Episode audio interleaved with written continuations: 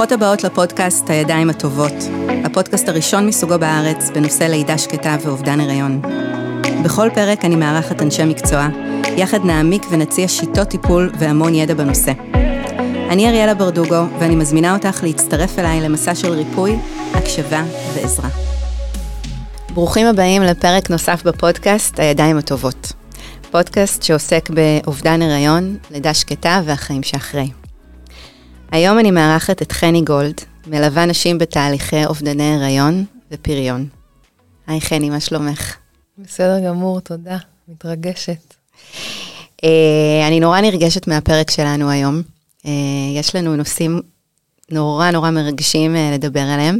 אני אעשה ככה איזשהו טריגר רוחניות, uh, שהמאזינות שלנו ידעו שאנחנו הולכות לדבר על uh, דברים ככה ברמה הרוחנית אנרגטית. אולי לא כולם מתחברים וזה בסדר, אבל אני חושבת שדווקא במשברים או באירועים כל כך קשים כמו בנושאים של uh, לידה שקטה ואובדני הריון, אנחנו לפעמים מחפשות מאוד את, ה, את המשמעות, את, ה, את הסיבה, למה זה קרה. אז אני חושבת שזה יכול לתת לנו איזשהו... אה, פתח או צוהר לאיזשהו עולם, אה, ואני מקווה שאנשים שישמעו אותנו אה, יתחברו ויקחו מזה הרבה, הרבה ידע וריפוי. אמן.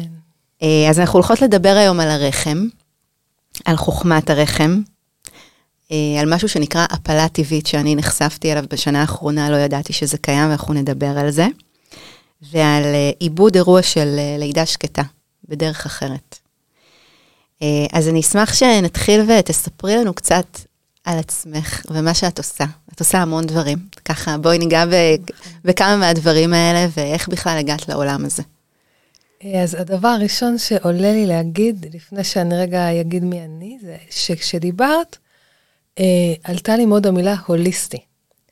ההתבוננות שלי על כל הרובד הזה של אובדן הריון היא ברבדים של גוף, נפש, רוח ונשמה. ואנחנו נדבר על זה. כן. הגעתי לזה אה, אחרי שתי הפלות אה, רצופות שהיו לי, אחרי הבן הבכור. אה, אני יולדת בית, יש לי ארבעה ילדים, ואני לא הבנתי איך אחרי שילדתי בחודש תשיעי בצורה כל כך מעצימה, הרופאה אומרת לי שאני חייבת גרידה, שבעצם הריון סיים להתפתח בחוד... בשבוע שמונה. וזה שלח אותי למסע, למסע מאוד מאוד עמוק, שחיבר אותי לעצמי, ו... בסופו של דבר אה, גרם לי אה, לעמוד בשער הזה ולפגוש הרבה נשים. ועם העבודה אה, נפתחו בפניי כל מיני, גם, גם הטיפול שאני עושה היום, טיפול בשיטה של ההשאלה, שהוא פורק את הרחם, ובטח נדבר על כן. העיבוד. וגם הבנתי שיש צורך במלוות, אז אני ממש מכשירה נשים, ועל המקצוע הזה אני קוראת לו הפדולה, דולה שמלווה הפלות, אה, וממש נפתח מזה, אה, המון נשים זקוקות לזה, ותודה לאל, אני באמת מודה על הזכות שהרבה מהשער הזה נפתח בפניי, ואני יכולה לעזור שם. וזה מה שאני עושה. אז בואי נדבר רגע על הרחם, שזה מרכז ה... המרכז. מה, זה, מה זה הרחם בשבילך? אוקיי. Okay. אז אנחנו נתחיל לדבר על הרחם ונעשה צעד מקדים ונדבר על תודעה. כן. אמ, כי למעשה הרחם היא איבר, אמ, ובאיברים, או, או בכלל בחומר, יש אנרגטיקה. הוא, הוא מחזיק משהו שהוא מעבר, אה, אנחנו יכולות ללמוד מהתפקוד הפיזי הרבה על, ה, על התפקיד שלו, אבל קודם כל הוא מחזיק אה, תודעה, ורחם מחזיקה את תודעת הביצית, בין היתר. אמ, ויש שתי תודעות בסיס, שהן אה, מייצרות שגשוג וחיים אה, ברי קיימא. הזרע, שהוא מהיר, יעיל, ממוקד מטרה, יש בעיה, בואי נפתור אותה. אנחנו נפגוש את זה באובדני הריון, באופן שבו הם אה, מרוקנות את הרחם, כמו במה שהיא אמרה לי, את חייבת גרידה. אוקיי. Okay. ותודעת ביצית, תהליכית, מחזורית, זה לוקח זמן. אה, בכלל אה, אחראית על הרבה מאוד רבדים נוספים מעבר לפיזי, אה, ופה אנחנו נפגוש את המקום הרגשי שאנחנו נותנות לתהליך ואת ההתפתחותי. אוקיי. Okay. הרחם היא מרכז, היא מרכז שמלמד אותנו התרחבות, כמו שהיא יודעת להתרחב, היא מרכז שיודע לפרוק אנרגיה, כמו שהיא עושה בווסת, באורגזמה, בלידה, בהפלה, אפשר לפרוק אנרגיה גם בלי אמ, טריגר אה, פיזי. אה, וזה מוביל אותנו לעוד הרחבה של מה זה אנרגיה. כן. אז בעצם אני אמ, אזכיר ספר שנקרא להעיר את הנמר, של דוקטור פיטר לוין, שחוקר טראומה. אמ, ויש שם שאלה מאוד מעניינת שהוא שואל, למה לחיות בר אין טראומה? והמנגנון שהוא מדבר עליו זה מנגנון הפריקה האנרגטי.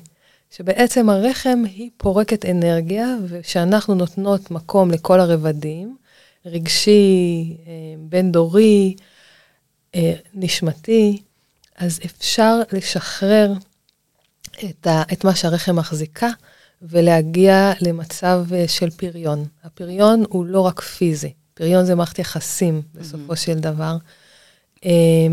אז הרחם היא אוגרת אנרגיה והיא גם צריכה לפרוק אותה. הרחם היא כמו ספוג. היא לגמרי אוגרת הרבה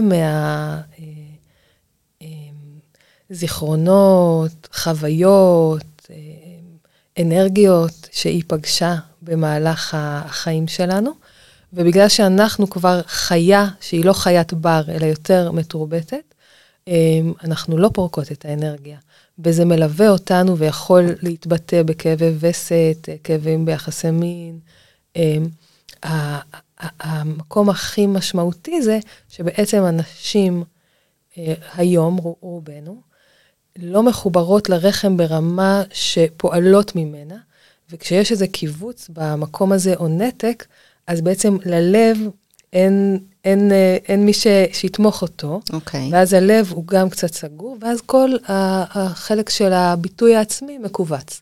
כשאנחנו פותחות את הרחם, אנרגיה עולה ללב, זה גם משהו שאני עושה בטיפולים, בסוף אני מחברת ופתאום, אה, הלב יכול לנוח. זה, רגע, ניקח את זה יותר רחב, זה עניין של אחדות. כן. הרי כולנו בסופו של דבר מחוברות, וזה מתחיל בתוכנו, בין הראש ללב לרחם, שתודעת זרע היא יותר בראש, וזה רוב מה שאנחנו פוגשות גם באופן של הטיפול ברחם. אוקיי.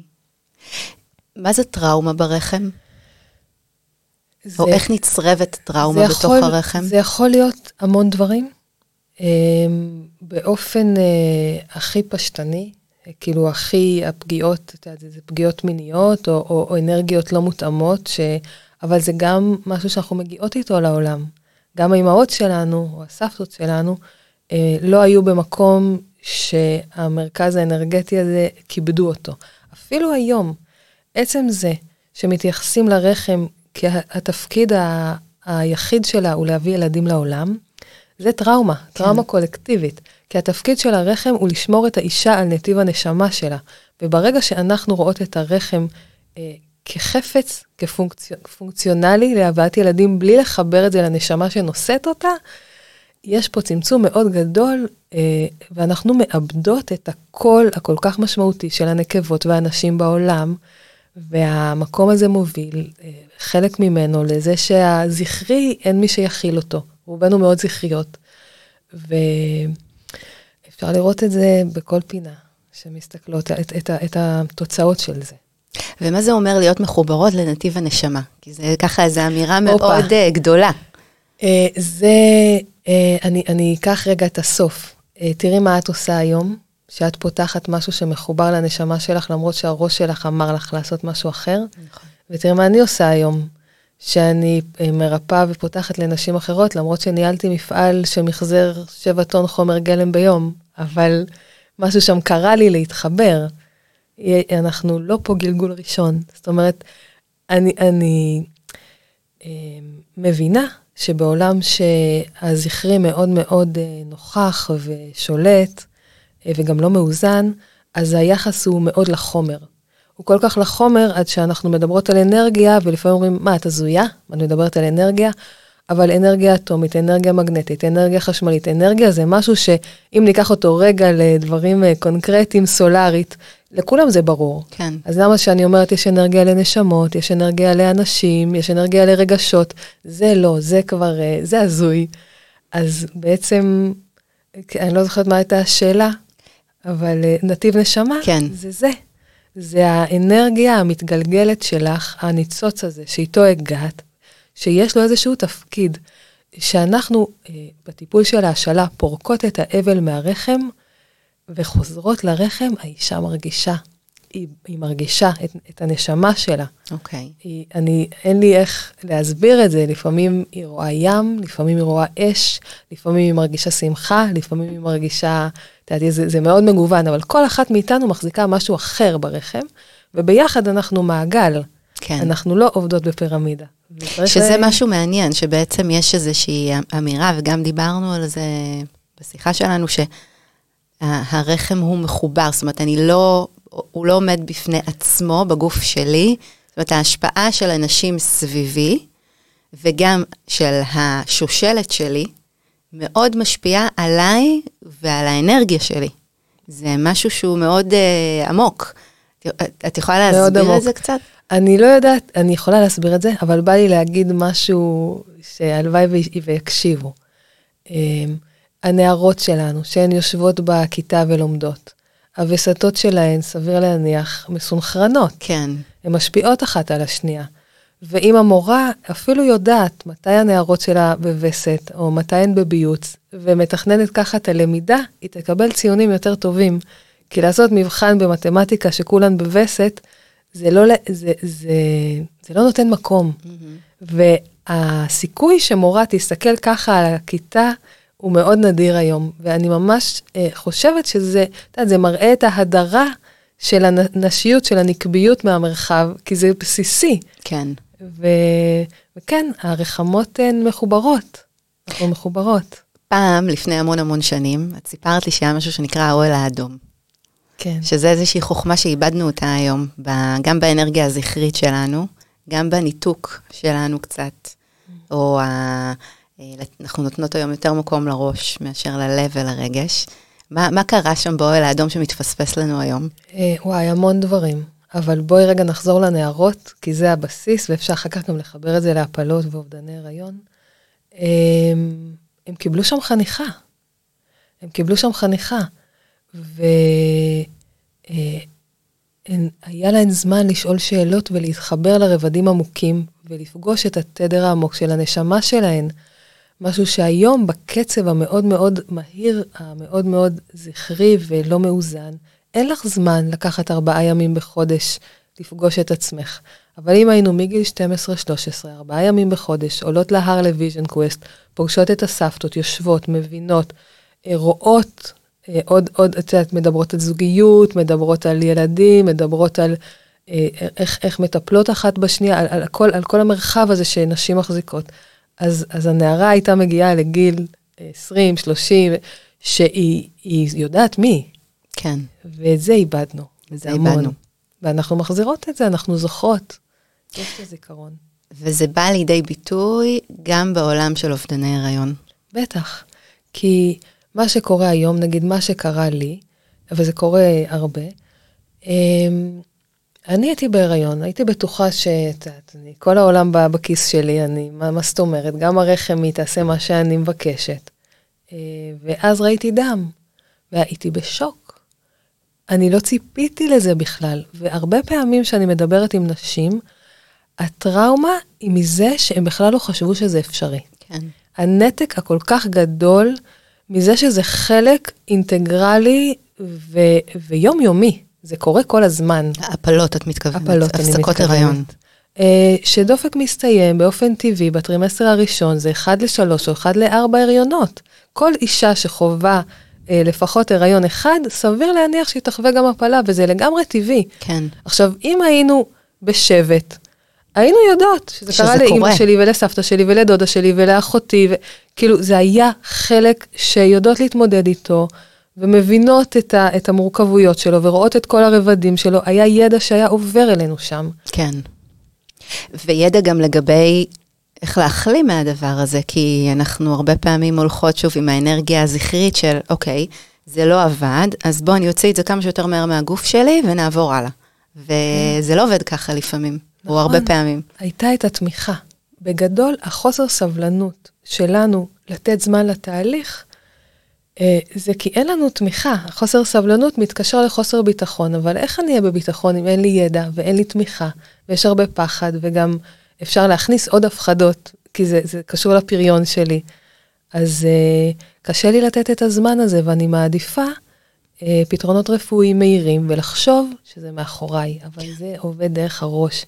כי כשאישה חושבת שזה מאחוריה, אבל הרחם עוד באבל, יש לזה השלכות.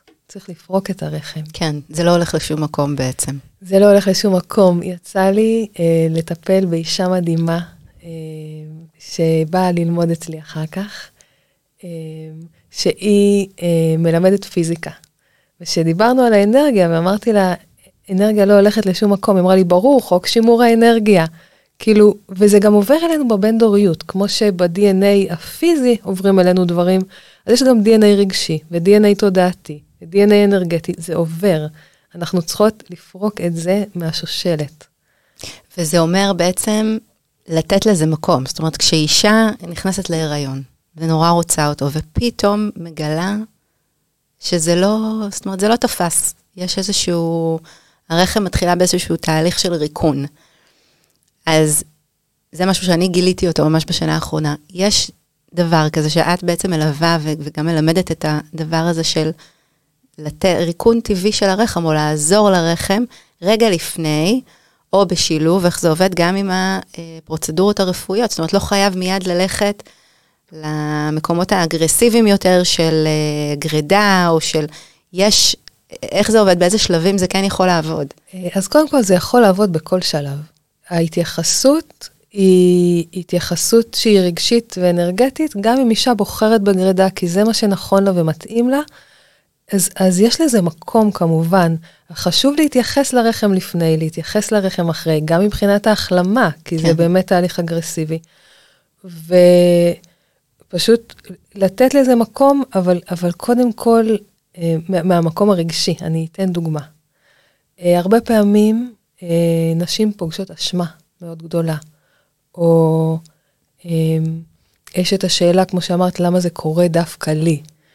ואז כשאנחנו פוגשות את הקצה הזה של החוט שקשור לאובדן הריון, אנחנו מתחילות ללכת אחריו ומבינות, אוקיי, את מרגישה אשמה. מתי פגשת את האשמה בפעם הראשונה? וזה בכלל קשור לחוסר חניכה, זה לא קשור עכשיו לתהליך טבעי. יש פה פער, וכשאנחנו מתחילות אה, לברר אותו ולנקות שם, אז מצמצמות את הפער עד שהיא מתחברת. לסיבה האמיתית. אה, או לשורש העניין. כן, היא, זה יותר לתדר של הנשמה ולהבין שזה הכל אור ואהבה ושיש פה בחירה אה, של הנשמה שהגיעה אליה ושלה. אה, זאת אומרת, יש איזושהי תחושה אה, של חיבור עמוקה לרבדים שהם לא רק הנדסה של תודעה. כן. אשמה שכי ככה חינכו אותי שהייתי ילדה, שאני חייבת להביא ילדים, ואם הרחם לא מצליחה, משהו, לא, לא בסדר בא, או משהו לא בסדר בי, הלא בסדר יורד מהשולחן. כן. מתחילות כאילו באמת לפגוש. זאת אומרת, לנקות את כל הרעשי רקע, ולהתחיל לצמצם את זה, אה, וזה מה שקורה בטיפול בעצם? כן. ואיך את עושה את זה? אמ, אז קודם כל, הטיפולים אצלי הם ארוכים. Okay. אוקיי. אני יושבת איתה, שלוש, ארבע שעות, אם יש טראומות מורכבות, גם שש שעות. לאחרונה גם התחלתי לטפל עם חברה וקולגה, אנחנו מחזיקות שתי נשים, אישה אחת, אה, כי לפעמים פוגשות דברים שצריך רגע להחזיק אותם. אמ, אני מפנה את הזמן, נגיד אתמול הגיעה אליי מישהי בפקקים וזה, אני מאחרת, אין לי בעיה שתאחר גם שעה. כן. היא לא, אני, הלא בסדר יורד מהשולחן. אנחנו באמת כמו שתי נשים בשבט שיושבות רגע עם, ה, עם הדבר. כן. אמ, אני מבשלת לצמחים, מכינה לה סאונת עדים, אם היא רוצה, אם זה מתאים לה, אם זה בשלב שמתאים לה, אני נותנת לה ידע, אני מלמדת אותה על האנרגטיקה של הרחם. כל מה שהיה צריך ללמד אותנו בווסת ראשונה, אני, אני עושה לה בריף. כן. כולל אה, מודעות לפוריות קצת, רגע להבין, שומעת את הסיפור. לפעמים רק לשמוע את הסיפור, זה כבר ה... איפה הסיפור מתחיל? אה, היא מתחילה איפה שהיא רוצה. אוקיי. אני מקשיבה למה שהיא מביאה, ואז אני שואלת שאלות מפתח שמתחילות בווסת ראשונה. אוקיי. שם אני פוגשת את החניכה. האם הייתה לה חניכה? כי בעצם אנחנו אה, נשמה, אוקיי? ועם פוטנציאל ואור, שבאנו להביא, זה התפקיד שלנו. והפער בין מי שאנחנו היום ומי שאנחנו אמורות להיות, הוא פער של חניכה. כי אם אימא שלי הייתה בכוחותיה ומחוברת לאגן שלה ולרחם שלה ולפריון שלה וחיה את החיים בצורה שהיא מביאה את עצמה, היה לי ממי ללמוד. אז אנחנו עובדות על החניכה, בטיפול עצמו הוא מחולק לשניים, אחרי השיחה עושות עבודה עם הגוף, נשימה, דמיון, גלי הקול, אנרגיה. לימים אה, פגשתי טקס שמאני שנקרא ריקפיצ'וליישן, שהוא מאוד דומה לטקס הזה או לטיפול הזה שהגיע אליי, אה, ואנחנו עובדות בכל הרבדים כדי לפגוש את כל מה שצריך לפגוש, ולנקות ולשחרר, ומה שמהמם ברחם זה שבגלל שהיא הבוראת, היא משתתפת בתהליך הבריאה, אז זה גם יכול לקרות ממש מהר. כאילו זה טיפול אחד, ואישה יוצאת משם כאילו, וואו. כן. היא, היא, היא, היא, היא, משהו שם קרה. משהו השתחרר?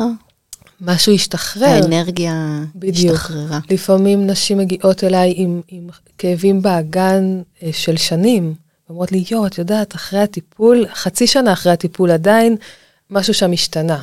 או ה- היחס שלי עם אימא שלי השתנה, או היחס שלי עם הבן זוג שלי השתנה. משהו שם משתחרר, או הייתי בטוחה שאני רוצה ילדים, ופתאום אני מבינה משהו אחר, או הייתי בטוחה שלא, ופתאום אני מבינה. יש, נוצרים החיבורים האלה, להבין שזה לא רק קשור אליי, זה קשור לאיזשהו שק כן. שאני לוקחת איתי. וגם, סליחה שאני כן. רגע עוד עפה על זה, זה גם הנשמה שמגיעה אלינו, היא, היא מחזיקה את זה גם בשבילנו, היא עוזרת לנו שם. יש פה פריקה אנרגטית בין-דורית משמעותית. כן. אז יש לי מיליון שאלות, אני אנסה רגע להתמקד. אז נחזור רגע לנושא הזה של אובדני הריון, שיכולים להיות בכל שלב, עד הנושא של, עד, עד האירוע הטראומטי של לידה שקטה.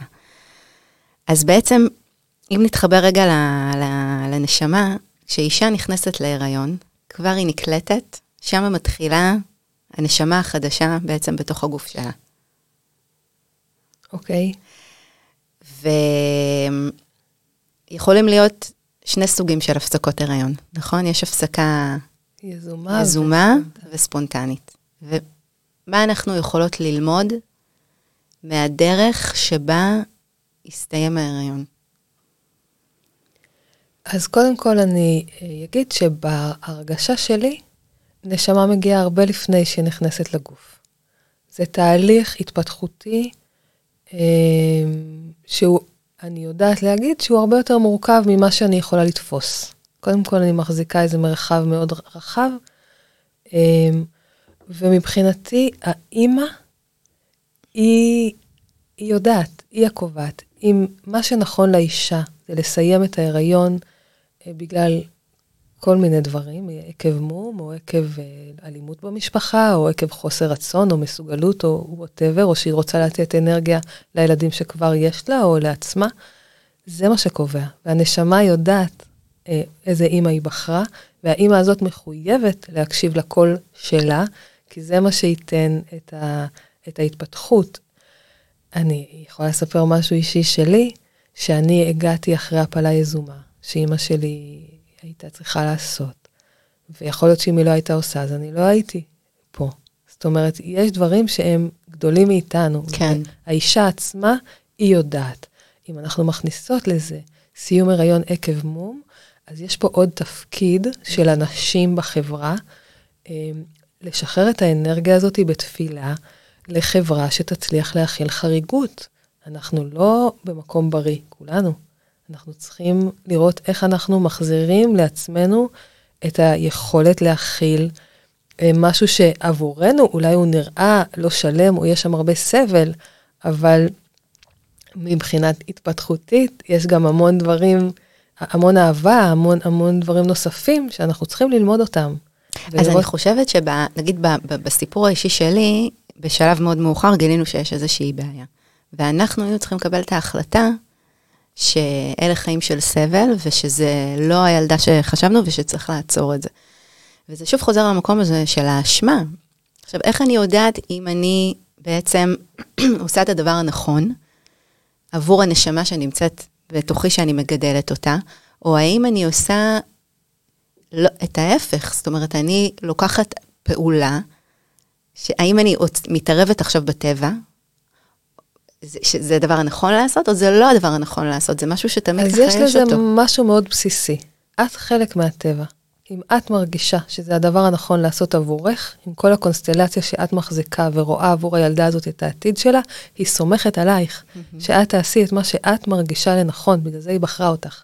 וכל פעולה שתבחרי, זה הדבר הנכון לעשות, כי נשמה זה אור ואהבה. ואיך את משחררת את האשמה, מתחילות להרגיש אותה. מאיפה לקחת על עצמך אשמה. זה לא השפה שלנו, אשמה. כן. מבינות מאיפה זה הגיע ו- ומשחררות את זה, וכשמגיעות לרחם אז את גם יכולה להיפרד מהנשמה ולראות שהיא אור, ואת את מרגישה את זה. הרגש והאינטואיציה הם משהו שהוא משמעותי להצליח וללמוד איך לעבוד איתו, לא רק דרך הר... הראש. וכשזה אה, הפסקת הריון שהיא בעצם ספונטנית, נשים שמגיעות אה, בשלבים מסוימים פתאום אין, אין דופק. אה, מה, מה יש ללמוד מה, שם? מה יש ללמוד שם? אה, אז קודם כל יש המון, וזה גם מאוד משתנה, כי יש כל מיני סוגים של הפלות, גם ספונטניות. ברמה הגבוהה ביותר זאת פריקה אנרגטית. לפעמים הפלה תהיה הפלת מרפא. הייתה לידה שקטה, הרחם עדיין באבל, היא צריכה את הפריקה הזאת. Mm-hmm. לפעמים זה יהיה ניקוי שהאישה צריכה, כי היא עכשיו היא מצאה בן זוג אחרי מלא מלא שנים של סיבובים, והיא צריכה רגע לנקות משהו. לפעמים זה חיבור, היא צריכה רגע להיזכר בחלקים בעצמה. אה, אצלי, ההפלות שלי היו, אה, לא הייתי יכולה בשום דרך אחרת להתחבר למי שאני היום, אם הרחם לא הייתה קוראת לי פנימה. הרחם היא מורה קשוחה כן. ואפקטיבית. ומה שמהמם בהפלות, זה שאפשר לראות את זה גם בפיזיולוגיה שבה הדברים קורים. כי ברגע שפרקנו את האנרגיה, אני רואה איך ההפלה מתפתחת. באיזה אופי הצירים מגיעים, האם יש דימום יתר, איך האישה מחזיקה את הפחד שעולה, איך הזוג, הבן זוג שלה מחזיק אותה בתהליך, איך היא מתייחסת לקול של סמכות חיצונית, או לקול של סמכות פנימית. איך היא עובדת שמה, איך, האם היא שיתפה את אימא שלה, לא שיתפה את אימא שלה. האנרגטי והפיזי וההתפתחותי הוא הכל ביחד. זאת לידה, זאת לידה של האישה עכשיו. בלי שהיא... מה שאת מדברת עליו זה בעצם לצאת רגע מהאירוע הנקודתי. אני אישה שכרגע מגלה שיש בעיה עם העובר, והעובר לא מתפתח טוב, וזה נשאר ביני לבין הרחם שלי, משהו לא תפקד, משהו לא עבד, ואת בעצם אומרת, תסתכלו בעיבוד אחר כך על התמונה הכללית יותר, על כל מה שקרה שם בחדר, על התגובות, על הקשרים בתוך, עם האימא, עם הבן זוג, עם ה... איפה זה פגש אותי, איפה זה היה. זה, זה, זה מעניין. אני מבינה מה את אומרת, אה, ויש לזה שני חלקים. אה, בהפלה הפעילה עצמה, בלידה עצמה, האנרגטיקה שאני אפגוש זה לרוב איפה שהעיבוד נמצא. בעיבוד עצמו אני יכולה להסתכל גם מאוד מאוד אחורה על הבין דוריות וגם על מה שקרה שם בחדר, וזה יראה לי בדיוק מה האישה צריכה לשחרר מבחינת איך שהעניינים השתלשלו שם. הפיזי הוא תמיד עוקב אחרי האנרגטי. לפעמים אני גם אומרת לאישה, וזה מתחבר לזמן שדיברנו עליו, של לתת זמן לאבד, ואני אומרת לה, נכון, הרופא המליץ עכשיו על התערבות, תחשבי, אולי את יכולה לקחת כמה ימים, נשחרר את האנרגיה, תיפרדי מהעובר, תביני מה את מחזיקה כדי להבין מה את משחררת, ואז תעשי את הפעולה הפיזית. ואז היא פוגשת את הפעולה הפיזית עם הרבה חסד והרבה אהבה ואיזושהי השלמה ועם נוכחות. זה מאפשר למשהו אחר אה, לקרות. שזה מסר מאוד חשוב, של לעצור את האינסטינקט הזה של, אוקיי, זה לא עבד, אז אני כמה שיותר מהר אסיים את זה, ואני כבר חושבת הלאה על הדבר הבא, של רגע להיות עם הדבר הזה, לתת לו מקום, לעשות שם איזשהו עיבוד, גם אם זה ייקח כמה ימים, גם אם זה ייקח כמה שבועות, ולצאת יותר שלמה, כן. מחוברת מהתהליך הזה. כן, אנחנו... זה לא מה שאנחנו רגילות לשמוע. נכון. אז זה משהו שהוא... האבל הוא אנרגיה שחשוב לתת לה מקום. ולמרות שקשה לנו לתת מקום לתחושות קשות, כן. זה חלק מהסקאלה. אם אני לא יודעת להתאבל ולהחזיק עצב ואובדן וכאב ו- ו- ותסכול ופח וכל הדבר הזה, אז גם האושר שלי בצד השני זה באותו הסקאלה. ואנחנו רוצות, אם משהו הגיע לפתחנו, להיפתח וללמוד את זה. זה מה שהרחם מלמדת אותנו, להתרחב ולראות איך אנחנו מתחברות ובשבט לומדות איך לעשות את זה ונזכרות איך לעשות את זה. אמ, ו, וגם אני אגיד שיש מקרים שבהם אה, האישה תחכה. אה, בדרך כלל יותר פשוט לחכות שהיריון סיים להתפתח באופן טבעי. כי אם יש עובר שעכשיו גדל, אז אנחנו צריכות להיות מאוד גם אה, מחוברות לזה ש... אה, להתייחס גם לזה. אה, ואם ההיריון כבר הסתיים, אה, נגיד הריון הסתיים בשבוע 18, ואני אגיד לאישה, אני איתך, בואי, בואי נראה איזה רגש עולה בך, בואי ניתן זמן לתהליך, בואי ניתן להורמונים להתאזן, בואי ניתן לרירית הרחם לאט לאט להשתחרר. ואז את גם תגיעי לשבוע 22 פלוס אחת ותזכי לחופשת לידה. כאילו, אם את עכשיו עושה גרידה, את יוצאת אחרי זה ואין לך זמן להתאבל. אם את רגע מחכה וגם נותנת את ה, לרחם את הזמן שלה, אחר כך עוד יהיו לך שלושה חודשים שתוכלי עוד לראות איך את מתפתחת מתוך המקום הזה. כן. אמ, זה, זה משהו שהוא מאוד, אה, כמו שאת אומרת, אנחנו לא רגילות להיות עם, ה, עם התחושות גם אין לנו תמיכה. כן. אנחנו... יש הרבה שוק גם בכל הדבר הזה, זאת אומרת, אה, אנחנו לא חושבות, בדיוק כמו העניין הזה של החנכה, שמשהו יכול להשתבש, או שבמיוחד אם אנחנו מדברות על לידה שקטה, שמשהו יכול להשתבש גם בשלב כל כך מאוחר, רגע לפני הלידה. אה, ואם יש מישהי שיודעת שהיא אמורה לעבור לידה שקטה, יש משהו שאפשר לעשות, זאת אומרת, בתווך הזה שבין ההבנה ללידה עצמה, או שהוא לא רק אחר כך, זאת אומרת, העיבוד, משהו של, כן, איזושהי הכנה? כן, גם פיזית, יש דברים שאפשר לעשות, וגם רגשית, עם כמה שזה קשה להתייחס.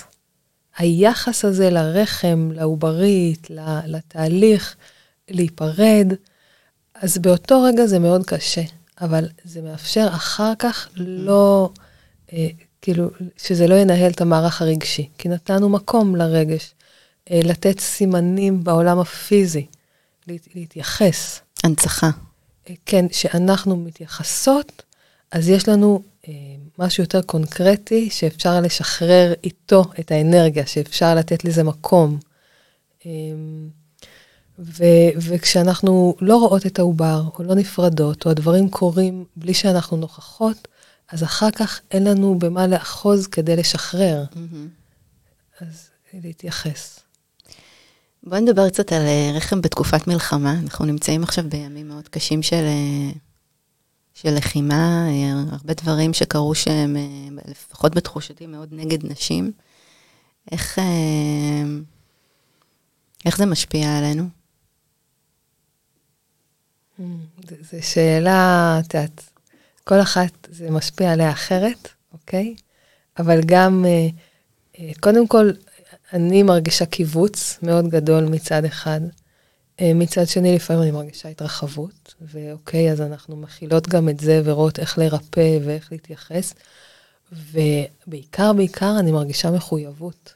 מחויבות שלנו להתחבר על הרחם שלנו, אה, לחבר את הנשים שלנו, להתייחס לכל הרבדים, אה, כדי להצליח לברוא עולם שההתפתחות שבו לא תהיה דרך מלחמה, תהיה דרך אהבה. לא יודעת איך עושים את זה, אבל אני יודעת שביחד, ואם נתחבר ונצעד את הדרך, אנחנו נגיע. כי מה שקורה עכשיו, זאת לא הדרך. Mm-hmm. וזה בגלל שאנחנו צריכות לחזור אליה, אל הדרך הזאת. אה, ובאמת לשלוח תפילות, לשלוח תפילות, שזה ייגמר, ושההרמוניה תחזור, ושהדברים יתאזנו. אה,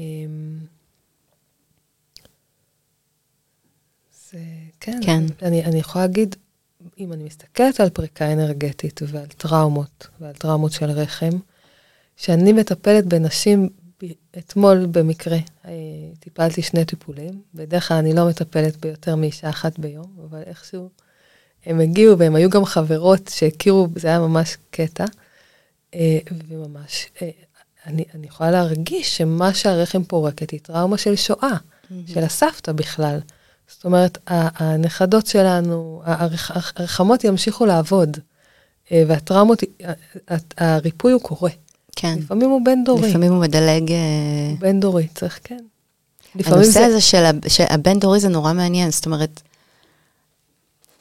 איך, איך אישה יכולה לדעת שבעצם אה, מה, שקורה לה הוא לא היא עצמה כרגע בחיים האלה, וזה משהו ש, שמלווה, איך, איך, במה זה בא לידי ביטוי? זה תמיד ככה. זה בא לידי ביטוי בזה שאנחנו מבינות שאנחנו מחוברות ולא מנותקות, שיש לנו שורשים, שאנחנו מבינות שאנחנו חלק. בעולם המודרני, כשמישהו נפטר, הוא נפטר, אין התייחסות.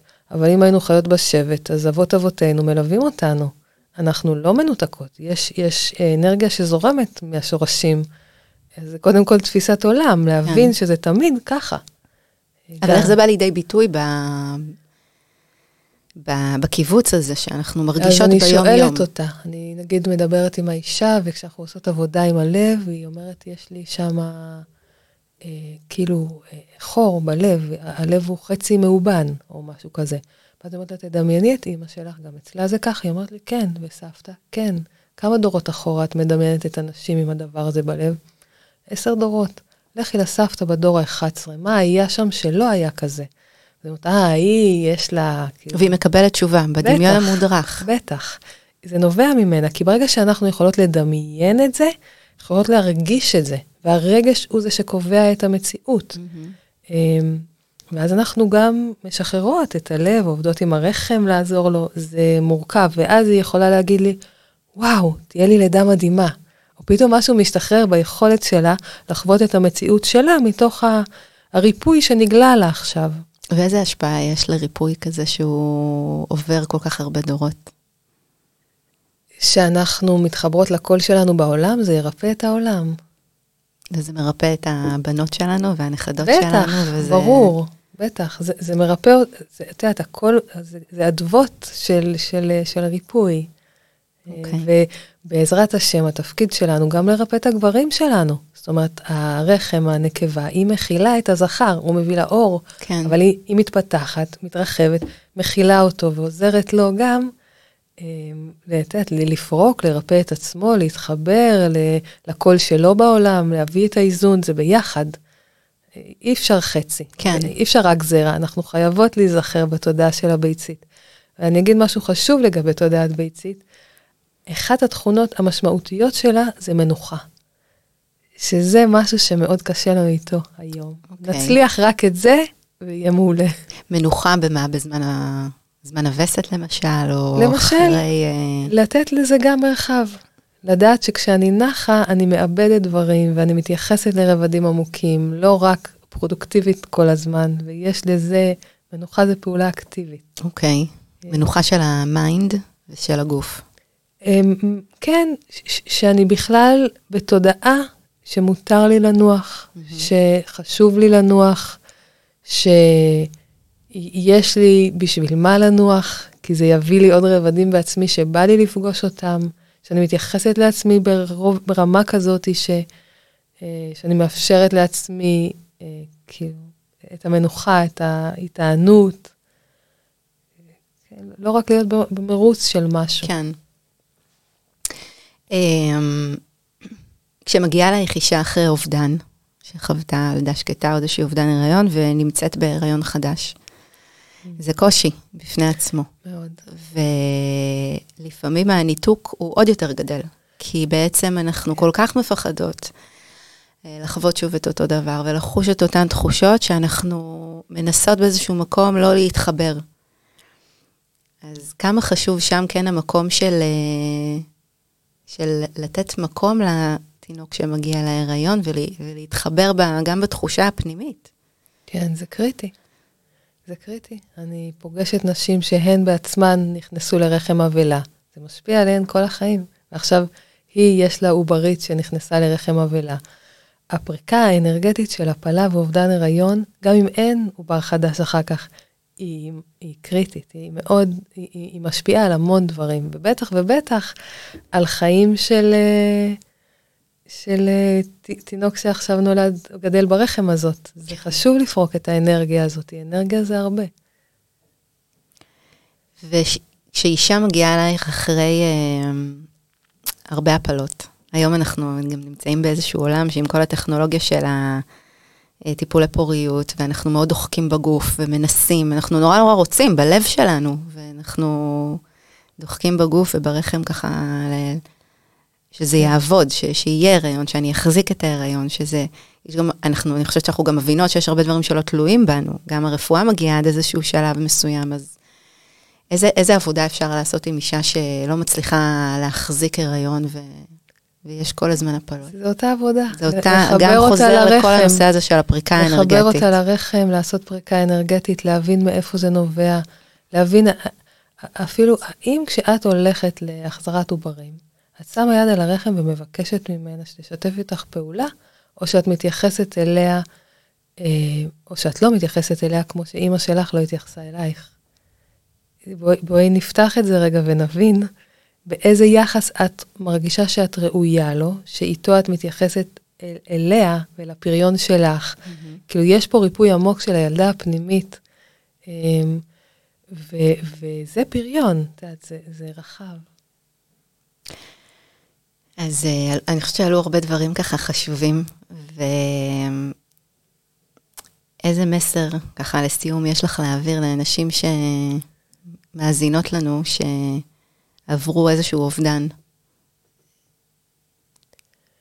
אה, אני, אני לא יודעת, זו תמיד שאלה שמפתיעה אותי כזה איך לסכם, אבל אני אגיד שלא מזמן אה, עשיתי אה, שיעור לפדולות שלומדות עכשיו, ודיברנו על כמה קשה לנו עם הסטיקר הזה של ביחד ננצח, וכמה זה, אנחנו מרגישות שם קיבוץ, ואז אמרנו ביחד, ביחד נתפתח.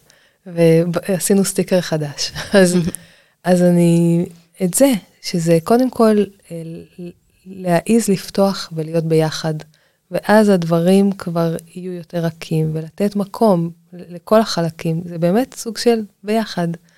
אה, זה גם משהו ש... שוב, האנרגטיקה של הרחם מלמדת אותנו בשחלות, בחצוצרות, שהחצוצרה עוזרת לביצית להגיע, ואם חצוצרה אחת סתומה, אז זאת תלך ותעזור לשנייה. הן עובדות ביחד, בשיתופי פעולה. זה אה, מקור, זה בסיס. ולפגוש את זה במקום את התחרות, זה ייתן לנו הרבה ריפוי. אה, חני, אני נורא רוצה להודות לך. אה, אני חושבת ש... שיתפתי ידע מאוד מאוד חשוב, ידע עתיק, אני מרגישה שפתחנו פה את האוהל האדום קצת, איזשהו אה, נגיעה.